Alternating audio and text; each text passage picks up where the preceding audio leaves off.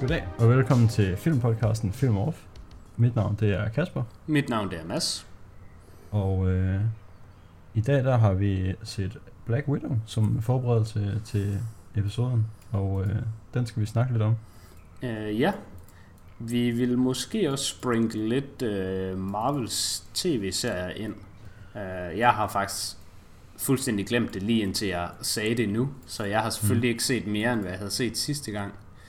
Uh, Ja, men det var også, hvis, hvis der var noget af det, du ikke havde set endnu, så var det måske lidt meget at skulle catch up på. Ja, øhm, jeg havde egentlig tænkt på og sådan haft lyst til at se øh, Loki-serien, ja. men øh, det har jeg ikke lige fået gjort, og nu er, er den måske egentlig ikke også slut nu, tror jeg faktisk. Er det, Jeg er tror, lige sidste episode kom i dag.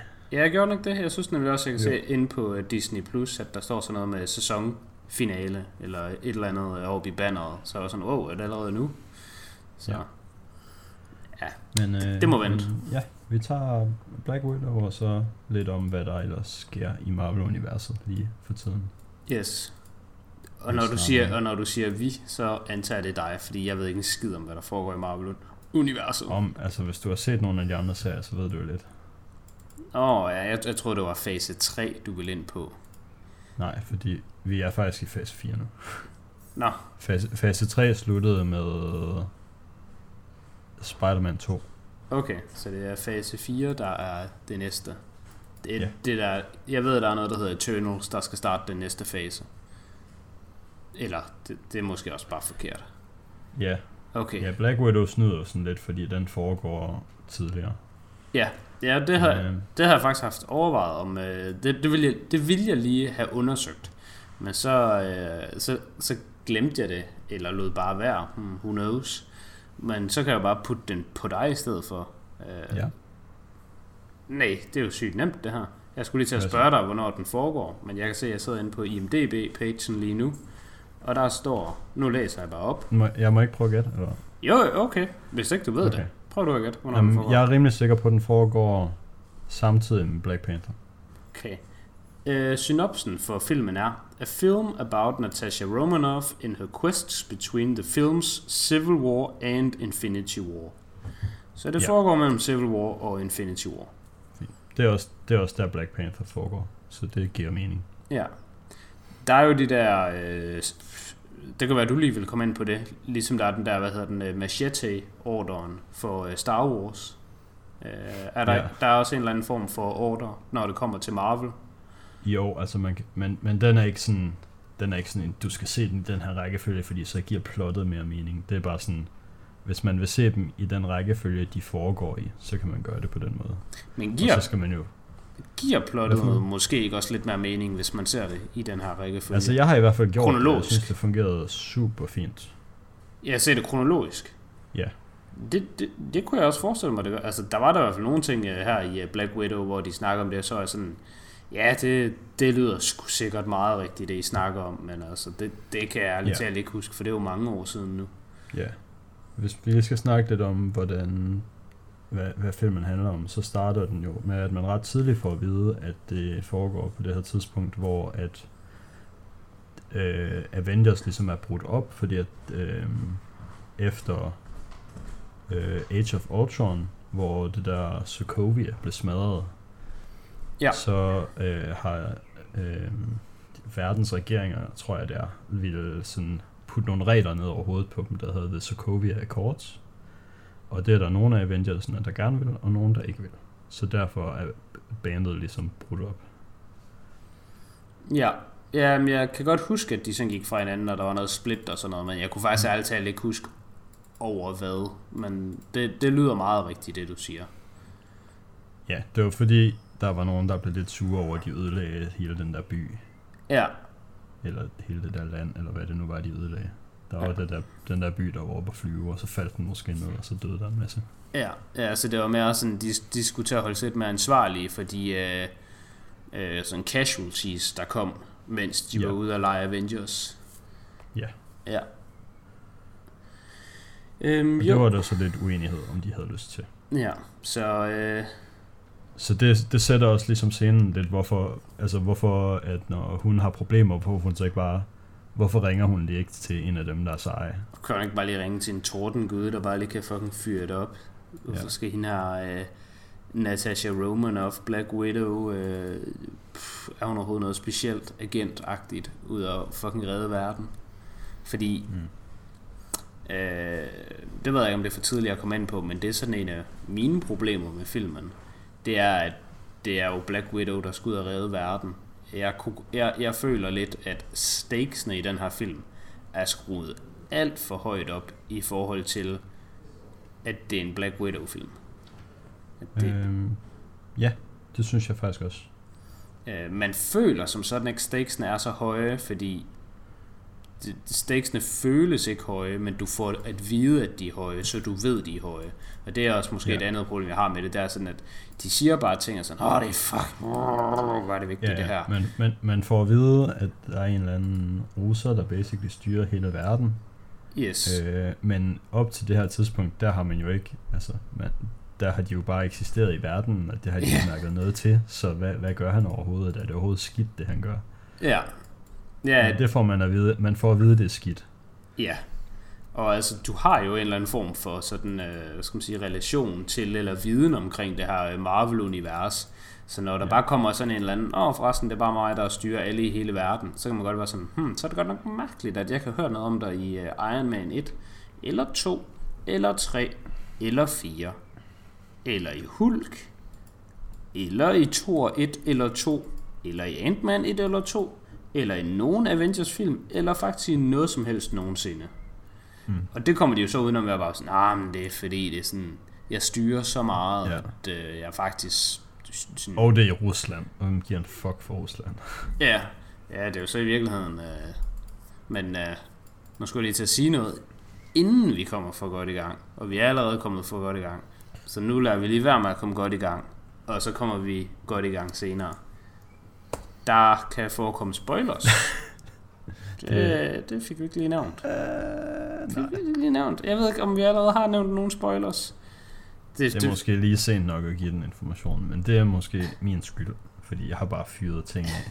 Ja, i hvert fald. Uh, men jeg, jeg føler ikke, der var nogen spoilers videre. Og jeg tror også, folk, der trykker på den her podcast, de er Øh, klar over, der kan forekomme spoilers, eller er sådan ligeglade med det, eller egentlig faktisk har set filmen og gerne vil høre om det. Det er jo heller ikke spændende at høre om nogen tale om en film øh, i, i cirka en times tid, og så bare danse som den varme grød hele tiden, fordi man aldrig kan sådan adressere noget direkte, fordi det er en spoiler. Er så, så nu kommer der bare lige øh, gjort opmærksom på, at der forekommer spoilers, og øh, der kommer ikke nogen spoiler warning foran spoilersne, så vi, vi taler sgu bare om det, vi har lyst til her. Og så, hvis noget af det, det er en spoiler for dig, så øh, anse dig selv som advaret nu. Så er man det, ja.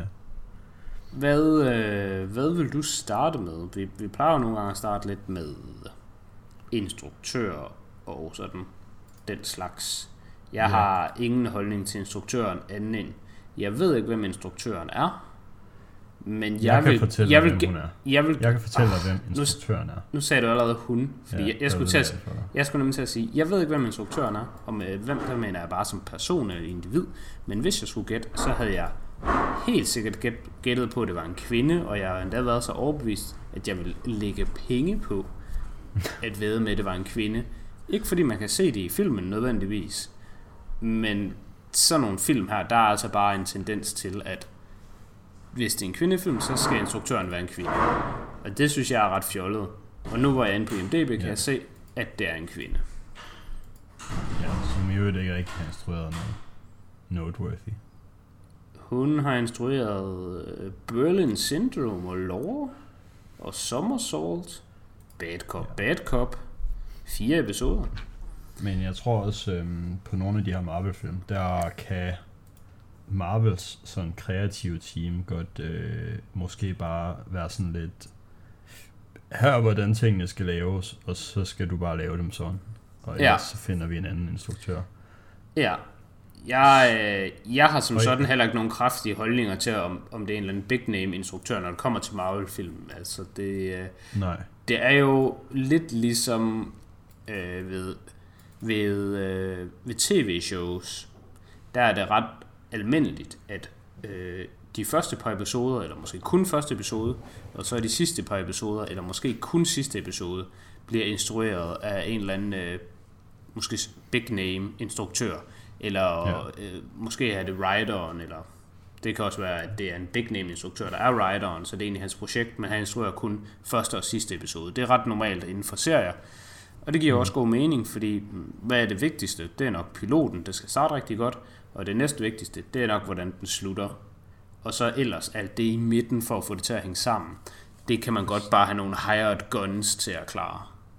Ja, det ved jeg i hvert fald, at det er præcis sådan øh, David Fincher, han har lavet Mindhunter, som er et show, som han er producer for, og sådan er, er med til at, øh, at lave. Altså, han er sådan, han er ikke en executive producer, han er en rigtig producer, der er sådan en, der er en driving force for at få det lavet. Mm. Og man, man, der har han også netop instrueret de første og sidste episoder i begge sæsoner, ja. tror jeg. Og man kan jo sige, at øh, Marvel-universet, det minder jo om tv-serier i den forstand med, at der, der er noget filler, og så når, øh, så når der kommer de der sæsonepisoder, kan man jo godt kalde øh, Avengers-filmene for at være, eller sådan et eller andet lidt større, ja. lidt vigtigere. Og noget andet, der går igen for tv-serier, det er som regel, der har de en eller anden showrunner, som er den, der sådan trækker i trådene fra episode til episode og sørger for, at karaktererne opfører sig konsekvent, og historien den går øh, sådan fortsætter ud af det samme spor igennem alle episoderne, der ikke bare sker random piss. Og der har Marvel-filmene også uh, Kevin Feige, som er ligesom ja. head, head guy inde i Marvel, der sørger for, at alle tingene hænger sammen. Ja, så jeg har egentlig ikke rigtig øh, noget negativt at sige til øh, instruktøren. Jeg har ikke noget positivt at sige. Øh, det, øh, Nej. det er en film, der blev sat sammen sikkert på øh, den måde, som den var sådan envisioned fra studiets side. Det eneste, jeg kan synes er sådan lidt øh, fjollet, det er, at jeg var aldrig til kun i tvivl om, at det var en kvinde, der instruerede den her. Fordi det er jo en, en, en kvindefilm, så selvfølgelig skal det være en kvindelig instruktør. Og det synes jeg, det synes jeg er sådan ret underligt. Men det er jo bare det, sådan, det er sådan, verden fungerer i 2021, føler jeg. Ja, ja. Altså, fint nok at få kvindelige instruktører ind og instruere jeres film, men det er meget forudsigeligt, at de kun gør det, når det er en kvindelig hovedrolle. Ja, det er nemlig det. Altså, det, det bliver næsten som om det er sådan en, en falsk form for diversitet, der skabes. Øh, mm. det, det, det kunne også bare være sådan, nu ved jeg selvfølgelig ikke, hvem der instruerede Black Panther, men altså, var det så bare en sort mand, eller hvad? Øh... Øhm, ja, men han tror jeg, ham tror jeg så til gengæld også, han var meget passioneret omkring at få lavet den film. Så det er en lidt anden case. Det er ham, der også har instrueret Creed og sådan noget.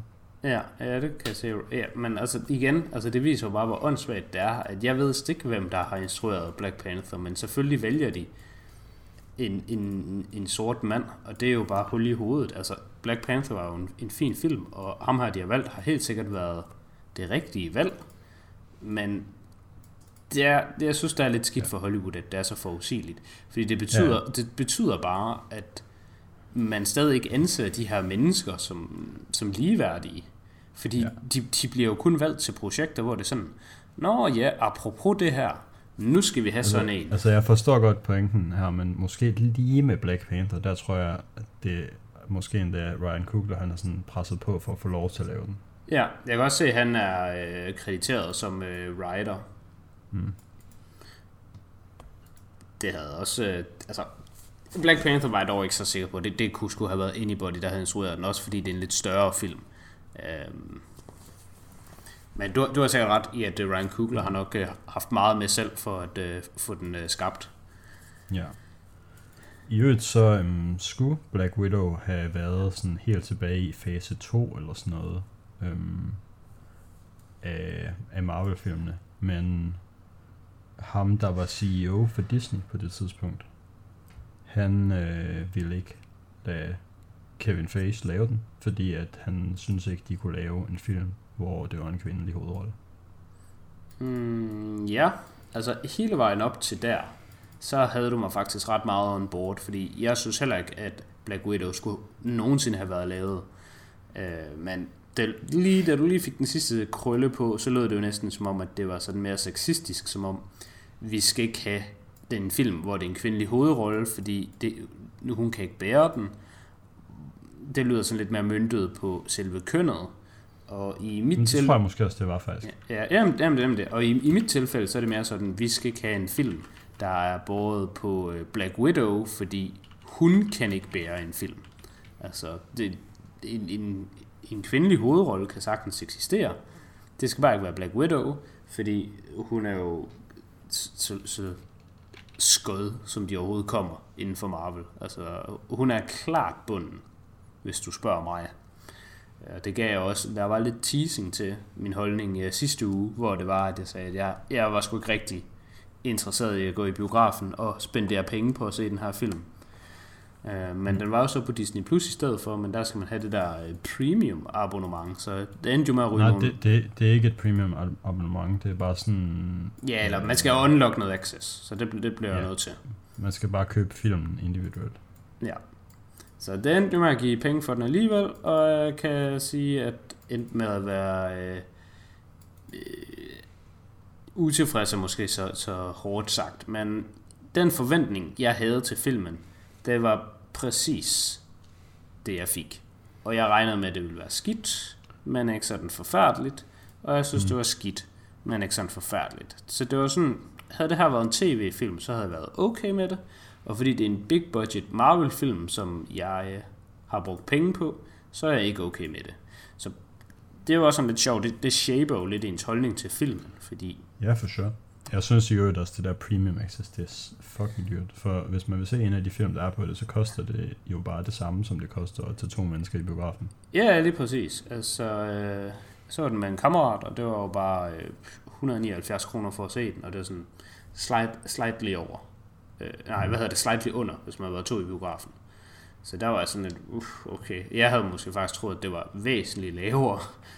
Men, øh, for man betaler jo i forvejen for abonnementet. Abonnementet vil så sige, at sådan, til den billige side, 79 kroner om måneden, og sådan, det er så ikke så slemt. Så derfor så føles det faktisk også endnu vildere, når man lige smider 179 oveni for at se filmen. Ja. Fordi det relativt til, til resten af, hvad man får, jo egentlig er så meget. Ja. Øhm, Øhm. der er også andre karakterer med. I, Ja, altså jeg tænkte, vi lige kunne måske vende, vende castet også. Ja, det kan vi fint gøre for min skyld. Jeg har ikke noget at sige andet, end jeg kunne øh, genkende, at det var ham manden fra Stranger Things. Så Ja. ja. det sagde jeg, da han kom, så var jeg sådan, hey, det skulle da ham manden fra Stranger Things. Og jeg, jeg troede faktisk ikke, det var ham, da jeg kiggede på øh, plakaten. På plakaten, der troede jeg, det var en anden. Jeg kan ikke lige sådan helt huske, hvem det er, jeg synes, han ligner. Men jeg synes ikke, jeg, jeg, jeg troede, det var en anden skuespiller, der var ham. Så her var jeg sådan, hey, what? Det er Stranger Things guy. Og mm. han spillede russer her i, og i Stranger Things, der spiller han en, der snakker med en russer, så der er sådan, Nå, men nu er ham her jo bare på den anden side af, hvad han var i den anden serie. Jeg tror endda, hans russiske ven i Stranger Things hedder Alexi. Det gør han nemlig også. Han hedder nemlig Alexi. Så det var specifikt det, jeg tænkte på, at Nå, okay, nu er det bare ham, der er Alexi i stedet for. Mm. Og så, ellers, så er der jo selvfølgelig Scarlett Johansson som Natasha Romanoff, som man kender og sådan forventer. For det er jo Mm. det, hele filmen omhandler. Og jeg har sgu synes lang tid, at uh, Scarlett Johansson, hun er virkelig overvurderet inden for Marvel-universet. Så jeg, jeg, jeg har slet ikke nogen holdning til hende. Hun er sgu bare, hun er sgu bare med, og hun har et, øh, hun har hun er blevet hyret til en rolle, så hun møder op on set og er til stede i de scener, hun skal være, og så, så er hun bare det. De kunne erstatte hende med anybody, og jeg vil ikke give en fuck. Og jeg synes, det er meget underligt, fordi det virker som om, at jeg er den eneste, der har den holdning, og at andre, de sådan, hvad Robert Downey Jr. er for Iron Man, det er, hvad Scarlett Johansson er for Black Widow. Og det kan jeg bare overhovedet ikke genkende til. Nej. Nej. Så det, er også øh, det er en høj bar, vi holdt op mod, synes jeg. Hvad så med, øh, er Scarlett Johansson for Black Widow, hvad Tom Holland er for Spider-Man? Det synes jeg heller ikke. Nej.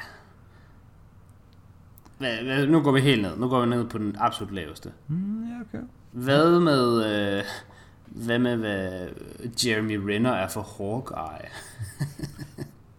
Det kan hun godt være.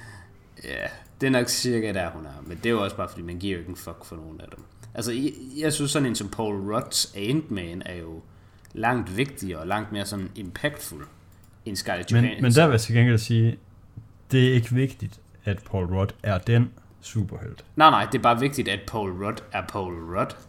Yes. Paul Rudd, Men han kunne godt være en anden, han kunne godt bare være øh, Doctor Strange. Det kunne han sagtens være. Men det er faktisk lige præcis det, der er min pointe, det er, at du hyrer jo nogen, fordi de har noget star power appeal, og det ved jeg godt, Scarlett Johansson har, men det har hun mm. bare ikke for mig. Altså, jeg kan rigtig godt lide Ant-Man, og, og jeg skal da ikke øh, være bleg for at indrømme, at det er, fordi jeg godt kan lide Paul Rudd. Altså, havde det ikke været Paul Rudd, der var Ant-Man, så havde jeg sikkert været lavere på Ant-Man-filmen end jeg. Men jeg, jeg er meget højere på Ant-Man-filmene end den gennemsnitlige. Og omvendt, så tror jeg måske også, at det er faktisk at det, der gør sig gældende for mig, når det kommer til Guardians of the Galaxy. Jeg synes at Guardians of the Galaxy er sådan lidt overvurderet. Altså, jeg synes, de er fine, men Men du er også lidt lav på Chris Pratt. er jeg er nemlig lige præcis lav på øh, Chris Pratt. Han er sgu Ja. bare en, en non-factor for mig. Øh, ham, der spiller øh, Yolander, eller hvad det er, han nu hedder, ham den blå deri. Jeg synes, det er ham, der carrier Ja. filmen. Han er super fed deri. Ja. Øh, og altså generelt, Hvad med, hvad med this guy? Vin Diesel. Diesel Dutsel, han er selvfølgelig forfærdelig. Han er The, selvfølgelig the Dieselmeister. the, the family man, om man vil. Han trækker selvfølgelig ned i alt, han er med i. Med undtagelse af Guardians of the Galaxy. Fordi der er han jo ikke med i. Det kan godt være, at han er med, men der er han jo ikke. Så han trækker faktisk ikke ned. Jeg synes ham, øh, Dave Buist, eller hvad, han nu hedder, udtaler det. Øh, nej, ja, Bautist? Ja, jeg har faktisk ikke nogen holdning til ham, det jeg skulle, sige. Øh, det jeg skulle sige var forkert. Jeg synes, hans holdning, Drax, eller øh, min holdning til hans karakter, Drax, er sådan, jeg synes, den er ringe, den karakter. Så derfor synes jeg også, han er dårlig. Ja, jeg synes, Drax er lidt ring. Men det, der kan jeg egentlig godt adskille den lidt. Der kan jeg godt være sådan, at Dave, han er sgu bare en hired gun, og Drax er skød. Og nu er vi gået full circle til, at altså, Scarlett Johansson er fin nok, men Black Widow er bare lort. Altså, så, så hvis man skal have Black Widow til at fungere, så skal der bare noget bedre til. Og det tror jeg ikke engang, jeg tror ikke, jeg kan komme med, altså, jeg kan ikke komme med en, jeg synes, der kunne være bedre, hvis jeg skal være ærlig. Jeg synes, den er unsalvageable. Der, der findes ikke nogen Hollywood kvindelig stjerne, der har så meget star power, at hun kan redde sådan et projekt her, og lige sådan løfte. Mm, Men det er der sikkert folk, Nej, der... men det synes jeg, det er mere filmens skyld, end det er hvilke skuespillere, der eksisterer skyld. Ja, det er det jo nok. Det har sikkert også noget at gøre med sådan, øh, mm, hedder sådan noget kønsroller også, øh, sådan, en, sådan hvilke type film og hvilke type skuespillere, der er sådan tilgængelige. Fordi nu, nu kan vi jo lige, øh, vi kan lige få det af vejen her tidligt, øh, cirka 20 minutter ind i podcasten, skuddet til Tom Cruise. Han kan jo løfte et hvert actionprojekt, han er med i. Hvis du lige har et eller andet Jack Reacher piss, du lige skal mm-hmm. have til at være godt, så kan du lige putte Tom Cruise ind, og så bliver det automatisk bedre. Men Tom Cruise kan man jo ikke ploppe ind i hvad som helst, og så bliver det bedre. Men den type film, der kan man lige bringe ham ind. Og Ja. det, det er jo sådan en type film, jeg føler, at Black Widow skal være. Og jeg synes ikke, der er nogen Tom Cruise ekvivalent, når det kommer til kvinder. Den tætteste på er jo nok Scarlett Johansson, eller Charlize Theron måske. Men Jeg skulle faktisk lige at nævne hende, men du har ikke engang set Atomic Blonde, har du? nej, Fordi det er den film, hun er med i, der er mest sådan en film her. Ja, jamen jeg, jeg ved, at Charlie Theron har, har det øh, ry. Og den er endda god. Ja, jamen øh, jeg har overvejet at se den på et tidspunkt, og så kommer jeg lige fra det. Apropos film, jeg har overvejet at se på et tidspunkt, så øh, så jeg den der Sorry to Bother You, øh, som du nævnte her for et par podcasts siden. Og Ja. den var øh, super fucking underlig, ved mit øh, korte review. Okay. Så øh, hvis, man, Øhm. hvis man vil se en film, der er max underlig, så kan jeg lige sige øh, Sorry to Bother You. Den er sådan rimelig syret. Okay. Har du, øh, Øh. har du andet til castet? Jeg ved, at, øh, at hende der Florence Pugh, hun har fået lidt praise, øh, når jeg har set andre reviews og sådan noget. Ja, det, jeg det, tror, det, det er Florence Pugh, men Pugh, jeg er ikke sikker. Ja. Altså, det kan hun godt få, hvis du spørger ja. mig. Hun kan da godt få lidt praise, men hun kan også godt lade være. Altså, det, jeg har sgu, har sgu ikke rigtig nogen holdninger til, til nogen, der var med, men, men det er både positivt og negativt. Ja, hende, hende kan jeg sådan godt lide, men for no apparent reason, fordi jeg har ikke rigtig set hende i noget. Du synes bare, hun er lækker. Du er bare sådan, yes. Men jeg synes også, hun var god her i.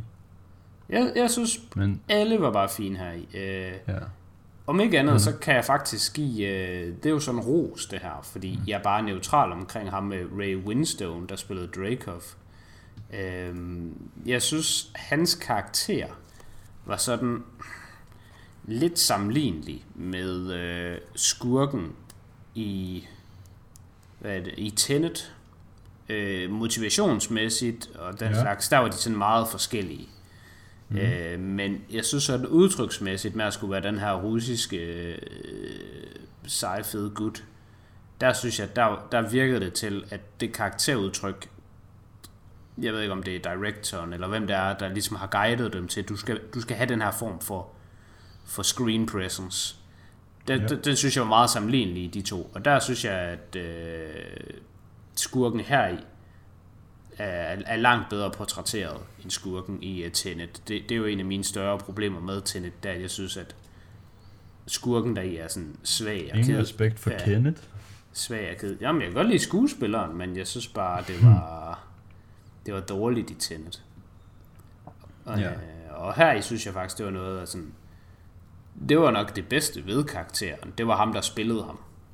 Han, han, han, han gjorde en, en fin del for rollen. Det er rigtigt. Jeg synes bare, at det der er lidt ærgerligt med ham, det var, at han først sådan rigtig blev introduceret i filmen, den gang den var på vej lidt off the rails i forhold til, hvor jeg godt kunne lide at se filmen ja. være på vej henad. Ja. Fordi ja. det, jeg, det, jeg tænkte sådan, i den første halvdel af filmen, som jeg tror er den del af den, jeg bedst kunne lide, det er, at det føltes sgu bare som sådan en uh, Jason Bourne-film men i Marvel-universet. Det kunne man... Det synes jeg var sådan... kunne man godt sige, fedt. ja. Det synes jeg var fedt nok, fordi der tænkte jeg, okay, det er faktisk fedt nok, de har lavet sådan en film, hvor at de bare har hende her, som er superhelten, som ikke er en superhelt, hun er bare øh, et veltrænet menneske. Så er det fedt nok, at de bare har taget og puttet hende ind i en sådan lidt mindre øh, øh, stakes øh, film, hvor hendes fjender, de heller ikke er helt så sindssyge, men, så det passer lidt bedre til, hvor stærk hun er. Og der er sådan, ja, der, der er lidt mindre going on, end sådan ligesom for eksempel Thor eller Iron Man skal deal med. Ja, altså det, det har jeg det øh, sådan både godt og skidt med, hvis jeg skal være ærlig, fordi jeg kan, jeg kan godt lide det sådan i forhold til, hvor god mening det giver. Øh, ved at man skal jo sådan tilpasse sit univers med sin, til sin karakter. Så det er også derfor, at Batman han fungerer så godt, som han nogle gange gør. Det er jo fordi Batmans skurke, det er jo bare Joker, som sådan er bare et almindeligt menneske også, og bare har en pistol, og er sådan laver nogle røverier og den slags. Ellers er der sådan nogle lidt overnaturlige skurke, som er pingvinen, som egentlig faktisk bare er til den svage side fysisk. Så er der selvfølgelig også lige sådan noget Poisonous Ivy, der kan noget magi med planter, og Bane, der selvfølgelig bare er roidet.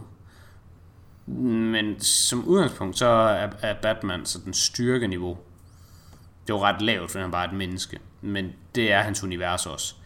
Og on the flip side, så har man selvfølgelig sådan som Superman, der bare kan sådan løfte hele planeten. Men omvendt, så hans øh, udfordringer det er også bare sådan nogle rumvæsener, der kommer til jorden og også kan alle mulige syge ting. Så, så det passer i det mindste sådan øh, power-niveau-mæssigt. Og ja. det gør den jo også her ja. i. Men jeg synes, måske faktisk lige med de der to eksempler, så tror jeg, jeg synes, det er sværere at skrive øh, historier, man lige som giver en fuck for, når stakes skal være så høje, som de netop skal være med Superman. Fordi jeg synes nærmest altid, at Batman er mere spændende end Superman. Jamen, det er også fordi, man, det, kan, man kan sige, når stakesen ja. ikke er ultra høje, så gør det det bare ja. lidt mere sådan, hvad skal man sige, sådan, uh, tro, ikke troværdigt, men sådan, det føles lidt mere rigtig som om, altså det kan godt gå galt.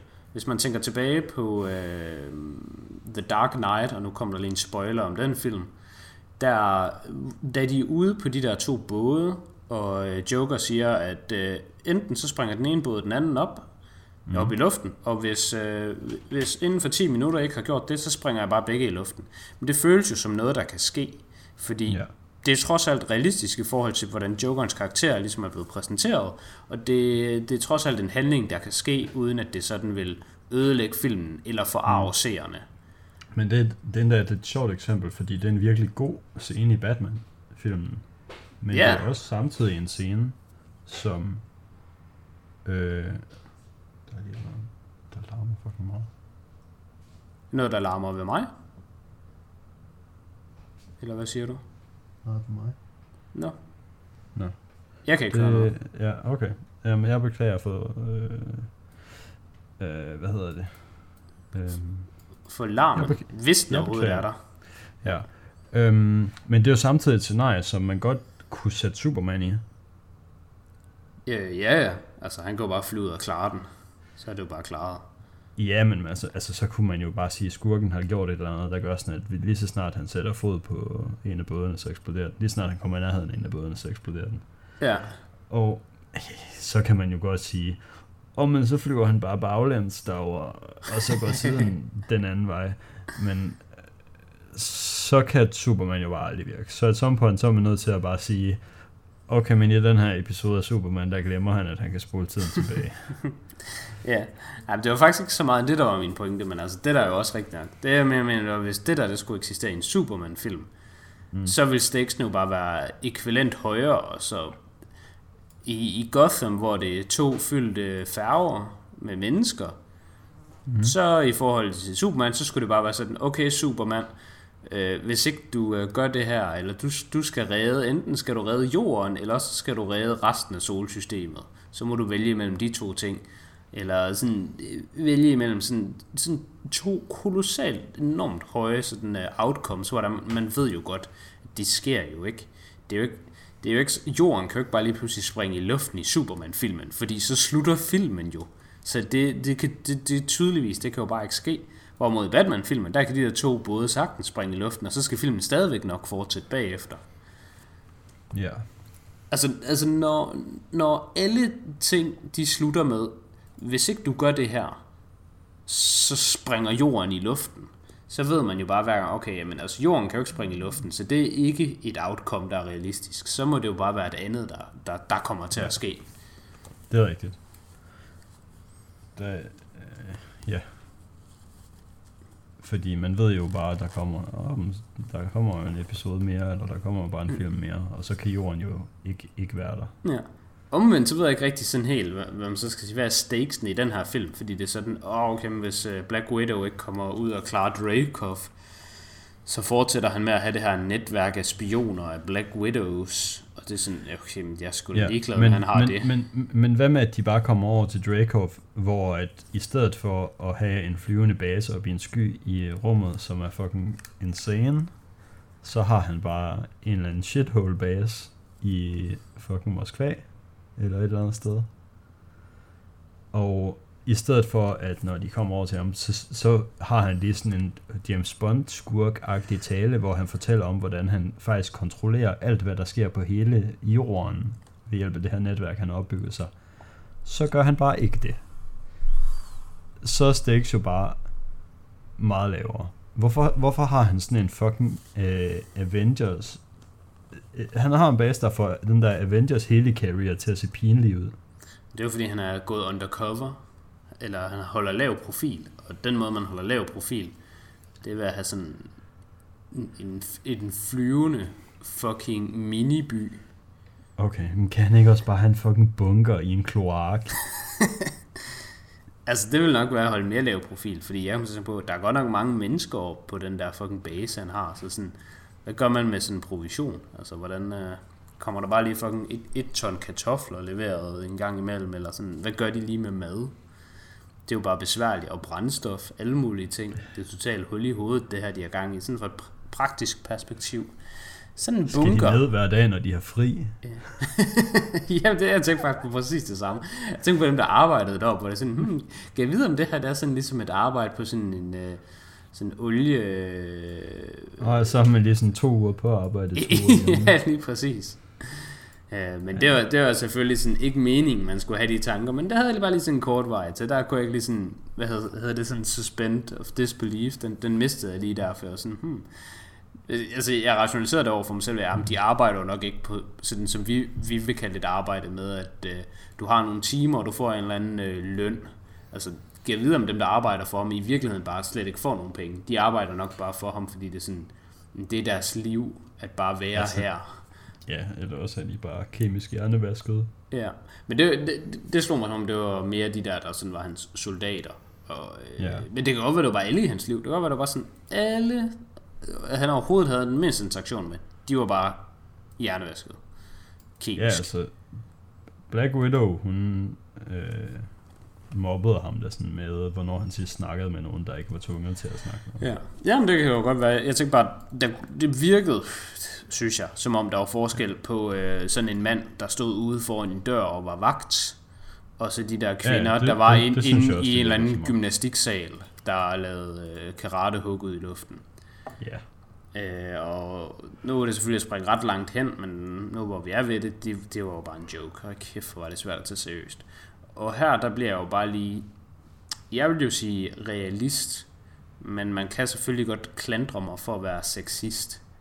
Men, et stort problem, jeg har med filmen er, hvis du nu er Mr. Dracov, og du mm. har gang i at skal overtage verden med en masse superagenter, hvorfor ja. holder du dig så kun til et køn? Hvorfor har du kun, øhm. hvorfor har du kun kvinder? Hvorfor er hele din agentorganisation baseret på sådan unge, attraktive kvinder. Altså, jeg kan godt fortælle dig, hvordan filmen forklarer det her, hvis det er. Ja. Fordi det bliver forklaret i filmen. Er det fordi, de er, er nemmere at rekruttere? Nej, men det er jo fordi, at øh, i, i meget af verden, og måske i Rusland specifikt, der har øh, pigebørn været noget, man ikke gad at have overhovedet. Ja. Så hvis, man har, er, har været en, et par og fået et barn, og så man har fået en pige, så har man måske bare været sådan, vi skal ikke have en pige, fucking ud i the dumpster med den her, det her, den her pige baby. Ja. Men... Øh, og så er det jo dem, han har snatchet op. Og der er drengebørn ikke blevet smidt i the dumpster, så de har ikke været tilgængelige for the snatching. Ja, men det er jo så bare desværre ikke sandt, fordi senere i filmen, så siger de jo så, at de specifikt targeter de her kvinder, de udvælger. At øh, Natasha Romanoff var specifikt udvalgt, fordi hendes gener, der kunne de se, at hun havde et unlocked potential, der bare ville være crazy high, hvis de nogensinde fik det unlocked. Øh, så, så de går... De ja, går, hun blev sådan stjålet fra sin Hun blev jo headhunted fra hendes mor og far, som ikke gad at have hende, så det var sådan... Mm, ja. altså, Om, så, så modsiger filmen bare lidt. Jamen, det er nemlig det, filmen modsiger nemlig bare sig selv, fordi de siger nemlig på den ene side, så er det sådan, om, altså, vi er jo ligeglade med, vi tager ravl og krat ind, vi tager bare dem der, der ingen der gider at have. Udover at vi faktisk går ud og selv finder folk og sådan, hey, din mor gad ikke have dig, men hun, så hun opgav dig til os, men så vil hun gerne have dig alligevel men vi, vi vælger faktisk de der børn, Plus, bare sådan dem, der står ude på gaden, udover vi faktisk researcher dem totalt i bund. Ja. Sådan. Plus hvis hele den her ideologi skal være sand, så burde hans soldater jo også, hans menige soldater burde jo også bare være kvinder. Yes, Fordi det, det var nemlig dem, det næste, jeg skulle dem, ind til. Dem har han tydeligvis til at være på hans base, hvor han kan beordre dem til at gøre, hvad han nogle gange vil. Yes. Det var nemlig og det hvad næste, han nogle gange vil, kan jo bare være blive en superagent. Yes. Det næste, jeg skulle til, det var, at han havde også rigeligt med andre ansatte, der var mænd. Ja. De var bare ikke lige widows. Ja. Og så, så, så ellers slutteligt, vi er, jo i, i, vi er jo på det her tidspunkt et sted i hans operation, hvor han er meget langt fremme. Altså det kan godt være, at det har startet sådan her med, at han har opbygget hans organisation med at tage nogle, øh, nogle, sådan nogle øh, hvad hedder sådan noget, orphans, øh, sådan nogle øh, forældreløse børn, der er efterladt på gaden, at tage dem ind i hans organisation, og ligesom gøre dem til børnesoldater det er jo om ikke andet også en ting, man ser være en reel ting, øh, altså i virkeligheden, i, øh, i Afrika, sådan noget med, med børnesoldater og den slags, men altså, hvorfor er det, det kun er kvinder senere hen? Det giver jo slet ikke nogen mening. Det, altså, det eneste, man kan bruge det til, hvis jeg skulle forklare det, altså, jeg ved ikke, mm. hvor, hvor farligt det er at sige sådan noget her på sådan en podcast, men altså, der er jo selvfølgelig den, den obvious sexual tension, for det er jo kun unge, flotte kvinder. Ja, altså jeg skulle også lige til at foreslå, at det er måske bare fordi, at han gerne vil have sex med dem alle sammen. Men den her film er 13 plus rated, så det kan han ikke have. Det kan de ikke sige, at han har. Ja, øh, det var faktisk ikke ham, jeg tænkte på, der skulle det. Altså, han, Okay. han kunne jo bare have en til to til hund. Det, ja, han, kunne, han kunne selv vælge, hvor mange han nogle gange ville have, selvfølgelig. Og så, de skulle jo bare ikke være widows. Hvad fanden skulle de være widows trænet for? De skulle jo bare være hans private øh, escortpiger, som han så gør brug af. Hmm. Det, det forhindrer ham jo ikke til at have en lidt mere divers her. Det med at tænke på, at Nej. de skulle have sex med, det var, altså, eller, hvis man skulle sige det på en anden måde. Altså dem, dem, de, de tidspunkter, hvor man måske kan mene, at det er en fordel at være en ung, attraktiv kvinde, der er jo, hvis du skal ud og have noget politi- hvis du skal ud og have noget indflydelse på nogle politikere i, lad os sige, Rusland, og Ja, anyway USA, men- så, øh, så, så giver det jo mening at sende en eller anden, øh, en eller anden agent ud, men ikke som en agent, Ja, men, men bare så som kan en man jo lækker bare- pige. Ja, Og så men så er vi jo bare tilbage til, faktisk bare hold din kæft med det argument, fordi nogle gange så er en politiker jo også bare en kvinde. Og så er vi tilbage i, hvorfor har du ikke begge? Yes, altså det, det er sådan forfærdeligt. Det jeg faktisk tænkte på ved den her film, jeg kan anbefale en film, der minder lidt om, om den her. Sådan, øh, det var i hvert fald den, jeg kom til at tænke på, da vi var i gang med alt det der russisk trænede soldater og sådan noget. Udover den faktisk bare er god i stedet for dårlig. Den hedder Red Sparrow. Mm. En øh, Jennifer Lawrence Yes. ag- agent øh, film. Og der er det netop, at der er de her øh, kvinder og mænd, for den sags skyld, der bliver trænet til at være agenter. Og det er så sådan ja, spioner, og det er sådan lidt mere realistisk, vil jeg sige. For hvis du er en spion, spion i virkeligheden, så, så det du egentlig gør, det er at øh, sådan extracte information fra folk, uden at de ved det. Øh, Yes. og den måde, man er spion i, i den her film, det er at løbe rundt i uh, tæt siddende spandex-tøj og lave karatehug ud i luften. Og det er jo ærligt talt bare til grin. Ja. Og så synes jeg også, det bliver værre endnu. Det der, det var bare sådan top med kransekagen for, for, for til grin-faktoren. Jeg, jeg, jeg har meget mere til det samme punkt. Det næste ja. er jo så også, at du kan jo aldrig nogensinde realistisk set vælge en kvinde til slåskamp. Altså, hvad, hvad, hvad skal du nogensinde... Altså, kvinder kan, kan mange... Eller, jeg ved ikke, om kvinder kan mange ting, mænd ikke kan. Kvinder kan i hvert fald nogle ting, mænd ikke kan. Om, omvendt, så kan mænd også nogle ting, kvinder ikke kan. Og mænd er bare stærkere end kvinder. Og sådan er det.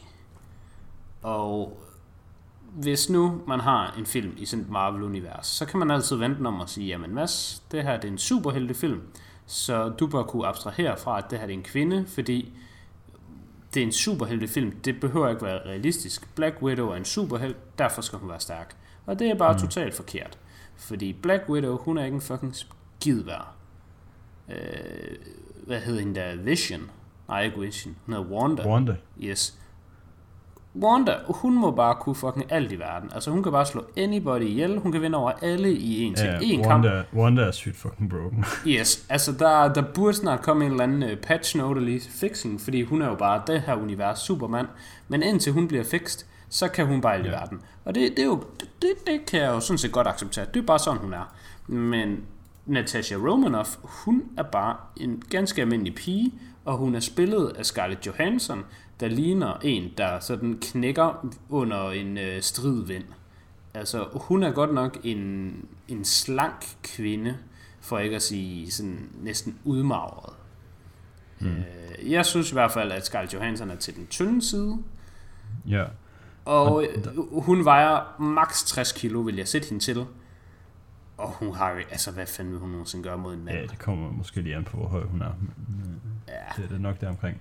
Men, men ja, og, og problemet, men, og det, nu lyder det jo bare sådan sexistisk, men det er jo ikke engang, det er jo ikke det, vi synes er problemet. Problemet er jo ikke, at de vælger at lave en superheltefilm, hvor det er en kvinde, der er hovedpersonen. Øh, nu har jeg bare lige googlet det hurtigt, og det første Google-resultat siger, at hun er 1,60 og vejer 57 kilo. Ja, um, så er hun også lav, så kan hun easy veje det der. Ja. Altså, Problemet er jo, at de laver den her slags film, og så vælger de bare, okay, hun skal have præcis det samme skillset som øh, en hvilken som helst øh, Tom Cruise-type karakter. Mm. Ja, men det bliver værre endnu. Der er flere lag til, til hvor, hvor dårlig den her film faktisk er, når man tænker over det. Skal, jeg kan selvfølgelig lige sige nu, at øh, filmen er ikke så dårlig igen, hvis man ikke tænker over det. Hvis man bare har tænkt sig at se den her film, mens man sidder og scroller Reddit på sin telefon eller sådan et eller andet, så, så er det en fin nok film. Men altså, ja. har man en hjerne, og har man tænkt sig at bruge den, så, så, så begynder den her film sådan hurtigt at gå en på. Det er i hvert fald faktisk det, der er mit største problem med filmen. Det er, jeg synes ikke, filmen er dårlig. Jeg synes, filmen den går mig på. Det her, det er igen, yeah. vi er tilbage til, det her det er en, en god film, der er dårlig. Yes. Og det er træls. Og det er dem, der er frustrerende, ja, fordi Ja. så kan man se, potentialet er derinde et sted. Det er jo gode skuespillere, vi har med at gøre. Man kan Ja. se, de har brugt millioner af kroner på at få filmen til at se flot ud. Ja.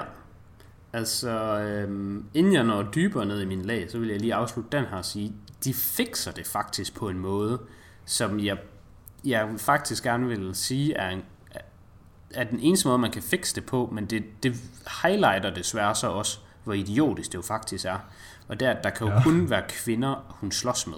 Hun kan aldrig nogensinde slås med en mand, fordi det, det, går, det, det går jo bare ikke. Altså, øh, en ting er jo, altså, der, der vil sikkert være nogen, der ved mere om kampsport, der hører det her, men jeg, jeg forholder mig øh, ignorant og, og bare påstår det her nu. Jeg, jeg tror simpelthen ikke på, at en 57-årig kvinde, 57-årig, 57 kilos tung kvinde, kan sådan rigtig sådan slå en mand ud, altså en stor mand.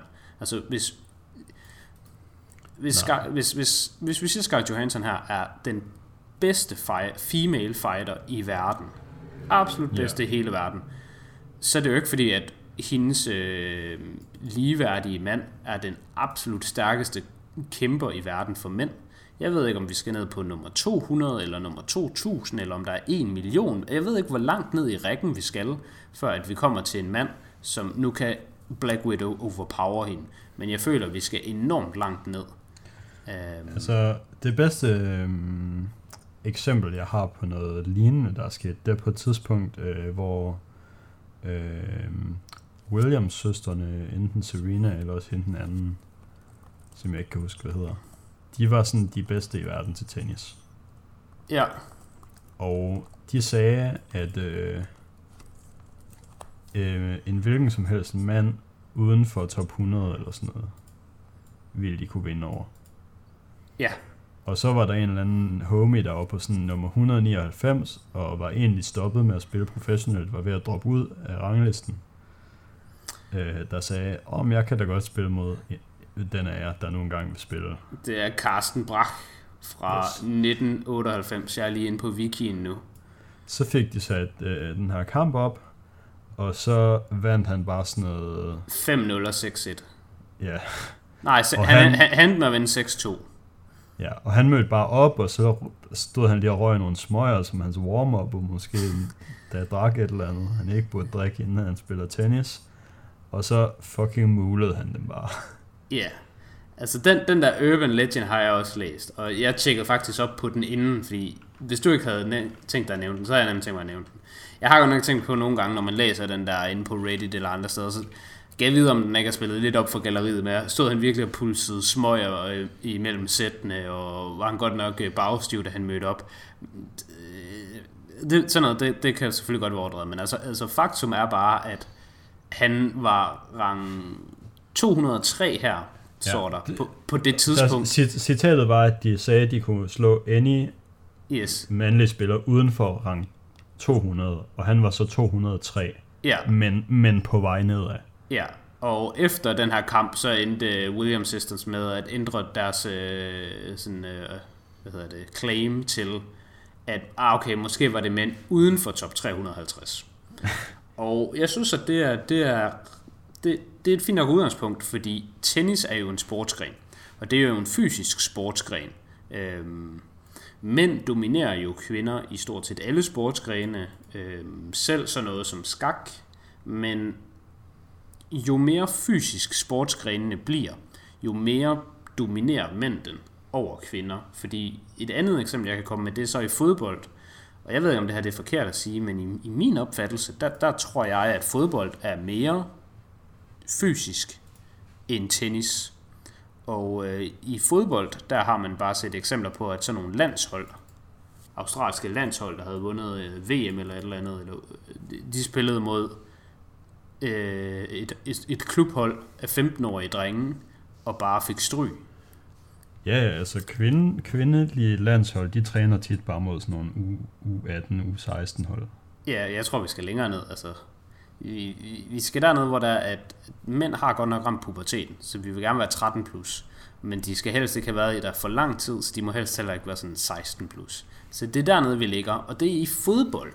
Så hvis vi nu skulle gå skridtet videre, og så sige, hvad må være den absolut mest øh, fysiske øh, krævende sport, eller, eller hvorhen er den her sådan disparity? Ja, altså ud, ud over sådan noget som bare at sige vægtløftning, så er det jo nok sådan noget MMA-agtigt. Ja. Altså bare, og MMA det er jo bare, det er jo bare slåskamp. MMA det er jo bare sådan, okay nu slås vi til der er en, der vinder, så må du bokse, hvis det er det, du tror, der får dig til at vinde. Du kan da gøre, hvad du vil. Ja. Det er bare, ja, der er en, der skal vinde her. Det er typisk ikke, hvis der er nogen, der nej, nej, det er det. følger med MMA. Ja. Noget, der faktisk er lidt fedt ved MMA, det er, at det sådan fik exposed over for verden, at uh, kung fu bare er en joke.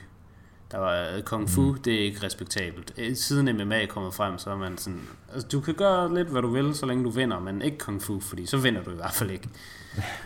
um, så, så hvis vi nu er der... Hvad med sådan noget capoeira? Er det ikke også en joke? Det ved jeg sgu ikke engang være, men der er det sikkert. Det er det, det, er det Eddie fra Tekken, han laver. Det der, hvor han sådan breakdancer. Nå, okay. Det, altså, det kunne næppe være en joke, fordi Eddie i Tekken, han er jo broken. Det var ham, man bare spiller og altid vinder. Der er ikke nogen, der kan vinde over fucking Eddie. Sådan, så, så går han lige op på hænderne og svinger benene rundt og sådan noget. det kan du jo ikke vinde over. Det må clearly være det bedste kampsport. Det kan være, at det er bandlyst i MMA, fordi hvis du nogensinde har, har en Tekken-aften, så er der bare en, der tager Eddie, og så kommer han aldrig ud af ringen igen. Så det kan være, at de har sagt sådan, at ah, den der teknik, den er sgu ulovlig i MMA. Øh, men sige. for at tage skridtet endnu videre, nu er vi jo helt, på helt yderste punkt, inden ja. for MMA, der ja. har vi endda det, der hedder vægtklasser. Bare lige for at holde det lige. Bare lige for, ja. at der er en eller anden mand, der kan komme og bare sådan actually, bogstaveligt talt, slå den anden ihjel, som i at han dør ved et uheld. Fordi den her slåskamp... Hvilket, stadig sker en gang Hvilket stadig sker en gang imellem. Og der kører vi inden for vægtklasser. Vi er altså i den her situation lige nu, at vi har Scarlett Johansson, en 57 kilos tung kvinde, der bare er ude i Open World FFA, og bare er imod fucking anybody. Altså, hun dør jo bare. Altså, hvis hun slår den forkerte mand i hovedet, så er han sådan et, ah, det var godt nok lidt træls, du gjorde det der. Og hvis den forkerte mand slår hende i hovedet, så dør hun on the spot. Ja. Så det, det synes jeg bare, jeg ved godt, det ikke er meningen, man skal tænke over sådan noget i filmen, men det generer sgu mig. Det generer mig. Mm. Men den måde, de kom udenom det i filmen, det var så det, jeg kom ind på nu, hvor vi har haft den her lange setup, der at de kommer faktisk udenom det på en ret fin måde, question mark, og der de sørger bare for, at alle er altid kvinder. Det, der er kun kvinder her i. Ja. Hvis, øh, hvis vi bare lige tager den hurtigt, så kan vi sige, jamen øh, Natasha Romanoff, hun er vores hovedperson. Hun har en, øh, en søskende. Er den søskende en mand eller en kvinde? Det er en kvinde. Øh, ja. Så har vi øh, Dracoff. Dracoff har et barn. Er det barn en mand eller en kvinde? Yeah. Det er en kvinde. Hver gang der er en eller anden form for relation her i, så er det altid en kvinde. Mm. Og det er sådan lidt sådan, jeg synes det føles ret fjollet en gang imellem, men omvendt så kommer vi da det med så udenom det der problem. Fordi hvis Rakoff han havde haft en søn, så var Natasha Romanoff jo bare blevet myrdet. Og nu Ej, er det... det ved jeg ikke, fordi øh, hans datter er jo bare sådan en meg anyways. Ja, og det er så det næste eller det er ikke lige det næste, men det kan vi tage nu, hvor du nævner det. det er sådan, selv når de prøver at holde sig inden for rammerne med at have sådan ligeværdige opponents, mm. så har de det jo ikke engang, fordi hende der Taskmaster, som forresten er en eller anden rigtig Marvel-karakter, som de virker til, de har butcheret lidt, eller hvad? Fordi... Øh, det ved jeg faktisk ikke noget om. Jamen, der er en, der hedder Taskmaster i, øh, i Marvel. Og øh, Jeg tror ikke, det er. Taskmaster er ikke en skurk fra det der... Det kommer, det kommer til at være helt forfærdeligt for mig, at jeg siger det her, men det er det med ham, den store sorte mand. Der var en Marvel-serie på Netflix. Nå, ham, øh, ham der var mega stærk. Ham der, der ikke kunne gå i stykker. Ham der Ja. var... Ham der var... Han, han var ikke unbreakable. Eller han hed ikke unbreakable. Nej. Men det var ham, der var... Please sig, hvad den hedder, så det ikke bare er ham, den sorte. Ja, men det er ham der, der ikke kunne blive skudt. Bulletproof, eller hvad fuck han hed. Øh, Luke Cage. Han hed Luke, Luke Cage. Cage. Ja, ja, Ja. ja. Det, er Taskmaster ikke en skurk fra Luke Cage? Øh, det kan da godt være. Jeg har, ikke, øh, jeg har ikke set det, men jeg kan se, at man kan google. Nej, han hed, nej, han hedder Bushmaster. Nå, okay. Okay, Taskmaster er en anden. Taskmaster er åbenbart en, sku, en skurk, der har den der ability med, den kan mirror sine fjender. Ja. Øh, Jeg vidste, det var noget med Master. Jamen, der var noget med Martha der. Altså, som sådan, der, der har jeg egentlig heller ikke noget... Øh, jeg ved, det er nogle gange lidt op øh, på so, sociale medier, det der med, når øh, kendte karakterer, nu kendte, det er meget i citationstegn, de, de bliver enten sådan etnicitet øh, switched, eller øh, sådan gender switched. Altså, Ja. og ja, Der har jeg sgu ingen Nej. kvaler. Hvis det, de det er bare jeg også laver... totalt Okay. med. Så længe Jeg det er godt. sige- Ja, ja, jeg skulle, jeg skulle til at sige, hvis de bare laver det om for at lave det om, og så det også er dårligt, så kunne man måske sige, måske behøvede I ikke at gøre det her. Ja. Men hvis de laver det om, og så er det bare godt, så er det sgu bare super. Ja, og der har jeg faktisk lige forberedt mig lidt med et rigtig fint eksempel. Fordi jeg ved jo, at der er, sidder nogen øh, derude, jeg kan ikke sige nogen, der lytter med, men hvis der er, der er så nogen, der er sådan, ah, sin snevide, nu skal hun til at være en eller anden øh, mixed øh, person, i stedet for bare en helt bleg hvid person. Og alle, alle mulige ting, der, der sådan kommer op og vende. Den lille havfru er blevet øh, mørkere og sådan noget. Der vil jeg bare lige sige en ting. Ja.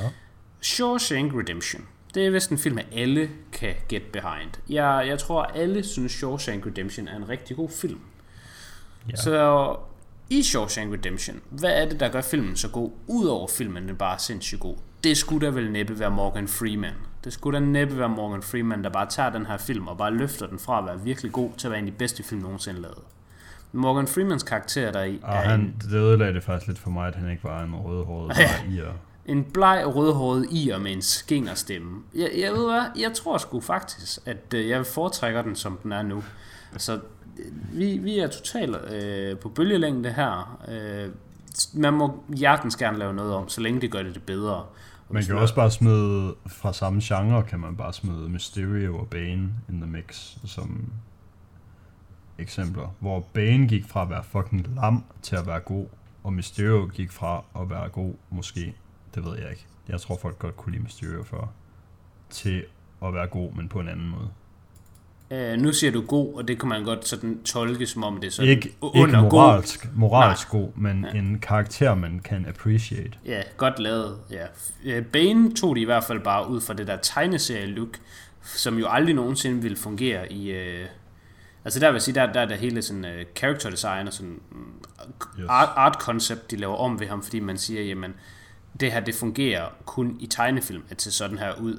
Man har jo gjort det samme med Superman. Hvis du ser de gamle Superman-film, ja, man har især gjort det med Batman, hvis du ser den gamle, hvad hedder den, sådan Wes, øh, hvad fanden hedder han, Adam West, øh, Batman-filmen, der løber han jo rundt i den der mørkegrå spandex, og ligner Ja. en idiot.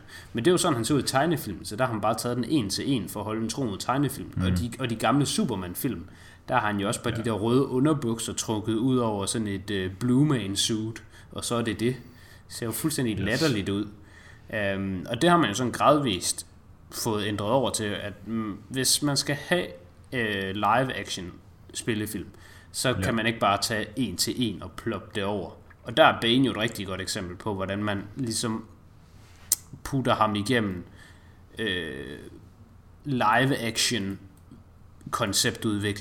konceptudviklingskødhakkeren, og så kommer der noget andet ud. Ved Taskmaster, der er jeg tænker sådan, jeg ved sgu ikke noget om Taskmaster i forvejen, jeg giver ikke en fuck for den her karakter, det kan da fint være en kvinde, men problemet ved Taskmaster var jo så bare, at var han ikke sådan lidt uh, genetically enhanced, skulle, skulle han, eller hun i det her tilfælde, ikke var sådan, sådan særlig stærk? Uh, jo, men jeg tror måske, det var dragten. Okay, men er, er hele gimmicken ikke bare med Taskmaster, at sådan catchphrase og sådan et eller andet uh, anything you can do, I can do, but better, eller et eller andet pis. Så jeg, jeg ved slet ikke, altså, hvordan... Problemet var jo bare, at vi, nu er vi gået en full circle tilbage til, hvorfor er det, man har Black Widow, og hun, hun kan jo ikke en skid. Så derfor siger vi, at den skid, hun kan, der hun kan slås. Men det kan hun jo ikke. Så nu kommer hun op imod en, hun skal slås mod, der er bedre end hende, og så skulle hun jo bare tabe, udover at hun bare vinder i stedet for. Så hvorfor vandt hun over Taskmaster? Ej, de slås vel kun sådan en gang, og det der på broen. Nej, der er der også der til sidst. Slås de til... Mm. Er der ikke derinde, derinde ved selve Dracoff? Jo, der har de sådan lidt back and forth, og så bliver Taskmaster låst ind i den der celle. Ja, jeg synes bare, det var sådan. Nå nej, det er jo ikke engang, det er jo ikke dem, der slås der. Det er sgu da, um, det er da David Harbour. Det er da ham fra Stranger Things, der slås med hende. Ja, okay. Og han er jo og, øh, en... Han er jo en super soldier. Han er, nå, han er jo en mand. altså, det er han også, men er også en super soldier. Ja. Og det var faktisk det sidste, jeg ville komme ind på nu, hvor jeg var ved til fysisk. At vi har jo rent faktisk en. Men han er jo så bare genetically enhanced.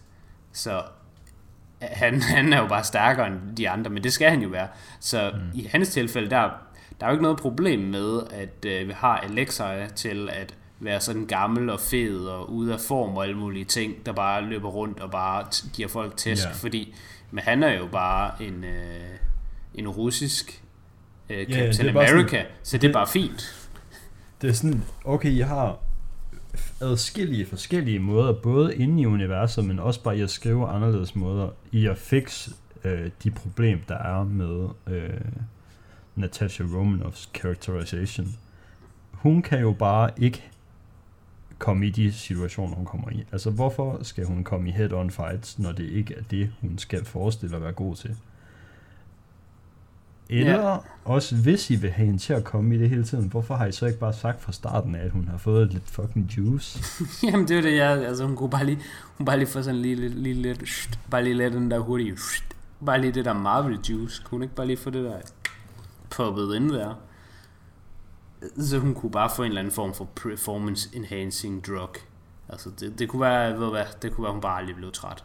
Det, det kunne være, hun, det kunne være, hun kunne løbe et maraton på en time. Hvad, hvad, hvad ved jeg? Hun behøvede ikke være Captain America level strong. Men altså, de kunne bare sige, at hun havde en lille smule. Og så var man sådan, okay.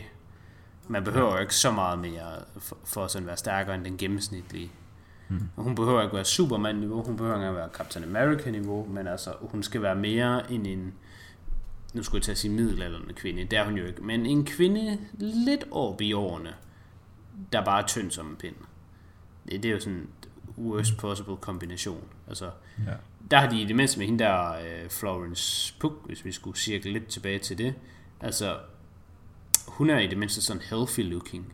Altså, hun ser faktisk ja. næsten lidt tyk ud ved siden af Scarlett Johansson. Uh, jeg, jeg skulle lige til at klage, men så sagde du den sidste halvdel af den der sætning. Ja, altså hun er... Da jeg så filmen der først, så tænkte jeg, at hende her sådan lidt kraftig. Er hun sådan lidt buttet? Og så var jeg sige, ej, ja. nu, nu, det, det tror jeg faktisk ikke engang, hun er. Jeg tror bare, det er fordi, hun står ved siden af Scarlett Johansson, og så har man den der klassiske, du ved, sådan, kameraet, det giver lige uh, camera at 10 pounds-agtigt. Og så noget andet, der var lidt sjovt, der er på et tidspunkt, hvor de begge to sådan en hvid øh, dragt på, der var de ude ved, mm. øh, eller efter de har været ude ved deres forældre, eller før de kommer ud. Og der kan man se Scarlett ja, de har dem på første gang, de skal ud i sneen for at redde... Øh, Nå, ja. ja, lige præcis. Den der dragt, de har på, der kan man godt se, øh, hele budgettet øh, til syrsken, den gik sgu til Scarlett Johansens dragt, for den er sådan velsiddende og så sådan ind til kroppen og tæt og flot, og hendes, det skulle bare sådan et par overalls, hun bare lige har trukket i. Men hun har også den der, hun skal have den der vest på udenover, for some reason, med lommerne. Ja, hun skal bare, hun skal bare se mindre sexet ud, I guess. Men, ja. altså, hende synes jeg i det mindste er sådan, ikke bare ligner en, der bare sådan vælter i en let brise. Hun er dog ikke nogen, øh, nu kan jeg ikke huske, hvad hun hedder, hende, øh, hende kvinde i øh, Mandalorian, men hun er rimelig butch. Hende vil jeg beskrive som værende en butch kvinde, der godt... Ja, men hun er også en tidligere MMA-fighter. Ja, ja nå, men altså, det, det er jo bare der, vi er. Altså, hvis det er det, hvis det er, hvis det er det, hvis det er den karakter, du vil have som Black Widow, så må du Og altså også... de er jo lidt crazy. Ja, ja, det ved jeg godt. Hun er vist blevet cancelled.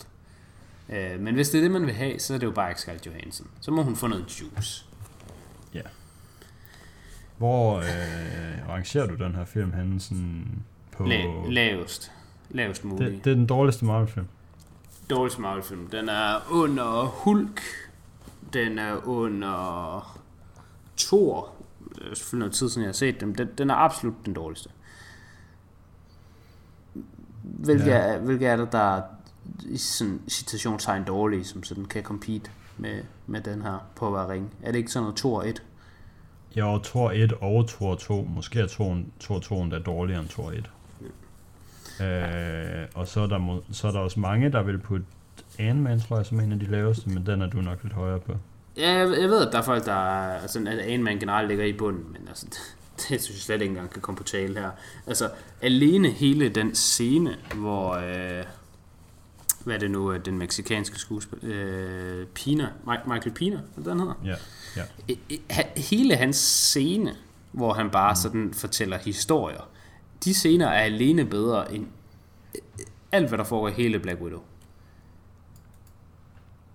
Så jeg, Ja. jeg, jeg synes slet ikke, at man kan sådan putte dem i nærheden af hinanden. Jeg har, jeg har, jeg har endt med at øh, give Black Widow 4 ud af 10.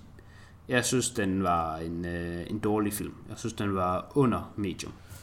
Jeg synes, den, øh, jeg synes, jeg ærgede mig lidt over at se den. Og jeg kunne ikke anbefale nogen at se den. Øh, og det var også det var, det var præcis det her, jeg, jeg havde forventet med, med at se den. Jeg, jeg ville sidde tilbage med den her følelse bagefter, bare var sådan, hvad, altså, hvad så jeg den her for? Jeg tror, nu siger jeg fucking bold claim, men jeg tror, jeg kommer til at synes F9 er en bedre filmoplevelse. Med den- Vinny? Med gode gange med Vinny Denny. Øhm, ja, jeg, jeg tror måske, jeg havde nok tænkt mig at sætte den på 6 ud af 10, men det kan godt, du kan godt have talt mig ned på en 5'er her. Ja. Altså, vi, vi, har, vi har egentlig fyldt den her episode, vil jeg sige, med enormt meget øh, filler, fordi der er mange ting, vi slet ikke er kommet ind på, som jeg bare lige hurtigt kan lide af nu, der er skidt. Og det, det her, det er jo så mere øh, mæssigt ja, specifikt, hvor mod det andet, det var lidt mere overordnet, men altså, den der kamp, hun har mod Dreykov, er jo en tragedie. Altså, ikke nok med, at det er latterligt, at det er sådan, hun vinder over ham ved at brække næsen foran ham. Det er også bare eksekveret enormt pinligt. Det er bare sådan noget sådan, I'm gonna hurt you now. You can't do that. But what if I do this? Slams head into table. Oh no. Altså, Men det er, sådan- endda, det er endda endnu værre end det der, fordi Nå, ja. først så prøver hun lige at få lidt tæsk af ham, men så er hun sådan, er du er faktisk for pathetic til at give mig rigtig tæsk, så nu skal du lige se mig give mig selv tæsk. Ja, og det bliver endnu værre end det, fordi det var sådan noget, så siger han sådan et eller andet, what are you gonna do? Og så råber hun bare som sådan en fucking call to action ud i luften. Sådan, det, nu, nu, nu bryder vi virkelig den fjerde øh, væg ved at tale direkte til os som seere, og bare sådan, hun kunne næsten lige så godt bare dreje hovedet over til kameraet og bare sådan sige, I'm gonna serve the nerve, eller hvad, serve the lige, nerve, eller hvad Wink. Ja, og så tager hun bare hendes hoved og bare slammer straight ned i bordet. Hvilket jeg forresten tror kan være sådan crazy farligt, fordi kan du ikke dø, hvis du får et slag på næsen lidt forkert. Du kan jo slå din næse op i hjernen og bare dø. Jeg tror godt, det kan gå purligt for en, ja. Men altså, den måde hun gør det på, det er bare sådan, ah, okay, barely an inconvenience, worked out all the, all the time.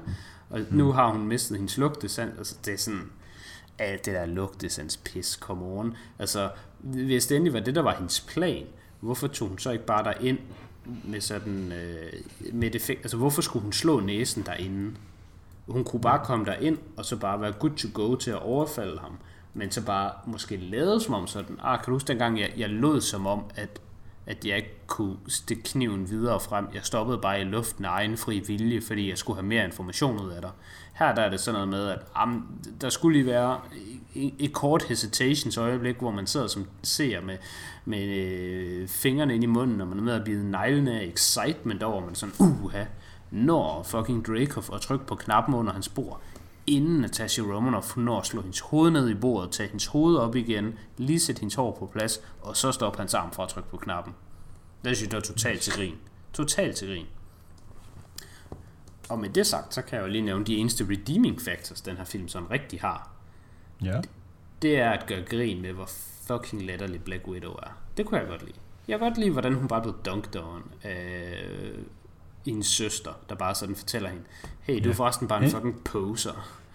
Det er jeg enig i. Det var virkelig nogle sjove uh, moments, der lige var inde der. Det var bare sådan, hey, forresten har du tænkt på, at du er bare en poser? Og det er sådan, ja, det er hun jo. Hun er jo bare lort. Så det er fedt, du siger det. Mm.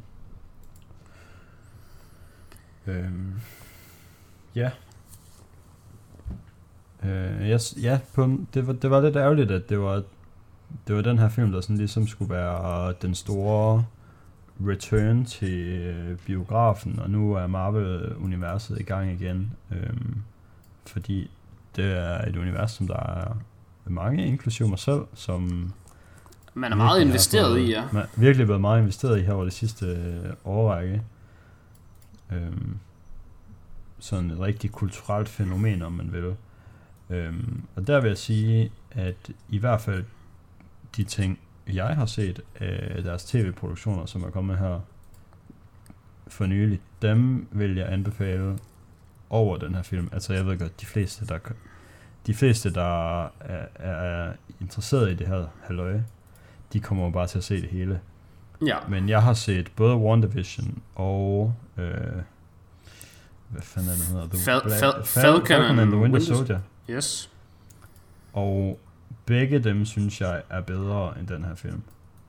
Ja. Falcon and the Winter Soldier, den er endda også... Øh, den, den er meget det, som den her film prøver at være. Den er sådan lidt, der er noget spionagtigt going on. Den er ikke så høj stakes. Ja. Og så er det mænd, der slås i stedet for kvinder. ja, det er også rigtigt.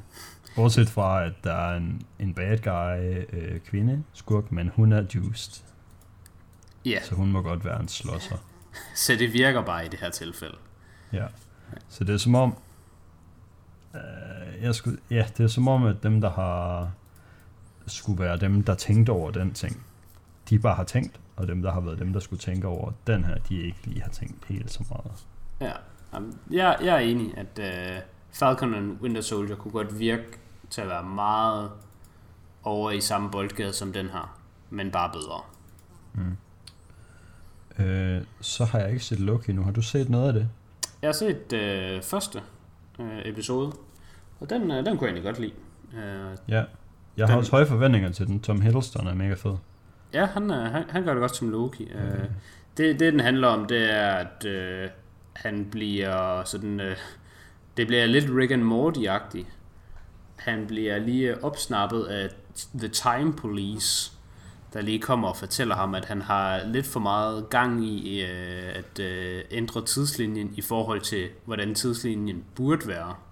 Mm. Uh, hvilket er sådan lidt underligt, og det adresserer han som til sjovt nok også til dem, og bare sådan, så der findes uendelig mange tidslinjer. Og hver gang, at der er en tidslinje, der er ved at øh, ryge af sporet, så i stedet for, at den bare bliver til en ny tidslinje, så går I lige ind og poliser den til, at den skal være den rigtige tidslinje, eller hvad. Så er de sådan, ja, det, det er sådan, det skal være. Det skal være, at i en tidslinje, der vinder øh, du, og Avengers taber. Men det er ikke den tidslinje, vi vil have skal eksistere, så vi skal lige have tilbage til sådan her.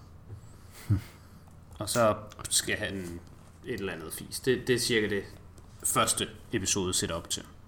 Ja. Jeg har også øhm, hørt gode ting om den indtil videre, og som vi måske nævnte tidligere, så kom sidste episode af den første sæson af det øh, i dag, hvor vi optager. Det er onsdag den 14. Ja.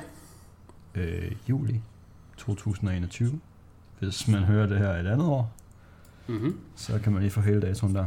Og øhm, i modsætning til WandaVision og Captain Falcon and the Winter Soldier, Nej, ikke Captain Falcon. Captain Falcon, det er sådan en Nintendo-karakter. uh, Falcon and the Winter Soldier. Det er... Ja, det har jeg allerede spoilet, men det er fordi, jeg mixer ham op. Um, I modsætning til de to serier, så er det vist allerede confirmed i sådan en post-credit scene i Loki. Nu, jeg håber ikke, jeg ødelægger det for dig, men det er, der har de sagt, at der kommer en sæson mere. Okay, ja. Nej, det ved jeg ikke noget. Det, det føler jeg heller ikke, er en spoiler. Øh, skal vi... Men det kunne godt være, at det var skidt for sådan en, jeg vil ikke vide noget om noget type, Ja. at få den information. Nu fik du den dog, så hvis du synes, det er træls, så fuck dig. Jamen, øh, det, det er modtaget, chef. Skal vi øh, lige få rundet af med, hvad vi skal øh, snakke om næste gang? Lad os gøre det. Skal jeg sige det? Du siger det. Du siger den. Ja. Øhm, jamen, vi skal se øh, nogle gode heistfilm, og i stedet for at bare I stedet for, på et par, der var sådan, åh, oh, den her er lidt fed, og den her er lidt fed. i stedet tager for lige at tage bare- sådan noget øh, Italian Job og... øhm, Italian Job, den kan get ind der, når der er en Jason Statham special. ja, lige præcis. Så, så tager vi sgu bare heistfilmenes Godfather, vi og tager det er bare sgu bare øhm, alle Oceans, Oceans. Dem alle bortset sammen. fra, bortset fra den nye. Ej, jeg skulle lige simpelthen lige noget at rette den. For jeg har jo set den nye, så hvis, Ja. hvis du ikke har rette den, så skal du se den. Altså, hvis vi mod forventning ikke er på allerede sådan noget en time og 20, når næste uges episode er ved at skulle rundes af, så kan du da godt fortælle lidt om Oceans 8. Jeg kan fortælle, Men... at uh, Rihanna er med der i, og hun er en hacker, der tykker tyggegummi. Okay, er det hendes karakter? Det er hendes karakter. Nej, Men- hun er en jamaikansk hacker, der tykker tyggegummi. Ja. Ja. Sådan, ja man, I'll, I'll Men- do the hacking man. Men ellers så skal det sgu bare være Oceans 11, 12 og 13 Yes, med kaffemanden Clooney. med Geo, Geo Clooney. Geo Kaffe. Yes. Hvad er det overhovedet for noget kaffe? Det er det Det, ikke. lad være med at sige det, vi er ikke sponsoreret. Ja, det må, Det kan øh, man, det de, kan man de, slå må, op, hvis man er interesseret. de må betale os for at sige det i næste episode. Yes. Så var det vel det for den her uge. Ja, jeg har ikke mere i hvert fald. Hvis, øh, hvis man synes, lyden er lidt underlig, så er det fordi, det her er første gang, vi prøver at lave remote optagelse, så hvis der er nogle tekniske quirks, så øh, beklager vi på forhånd, eller på bagkant. Øh, det ved jeg ikke, hvad det er for en af dem. Det Og- ved jeg heller ikke, men det lød underligt at sige på bagkant. Men derfor kan det jo godt være rigtigt alligevel. Ja, men altså, det er efter episoden er slut, i hvert fald. Ja, det er måske rigtigt. Mm. Og ellers så øh, lyttes vi bare ved i næste uge. Og tak fordi I lyttede med i den her.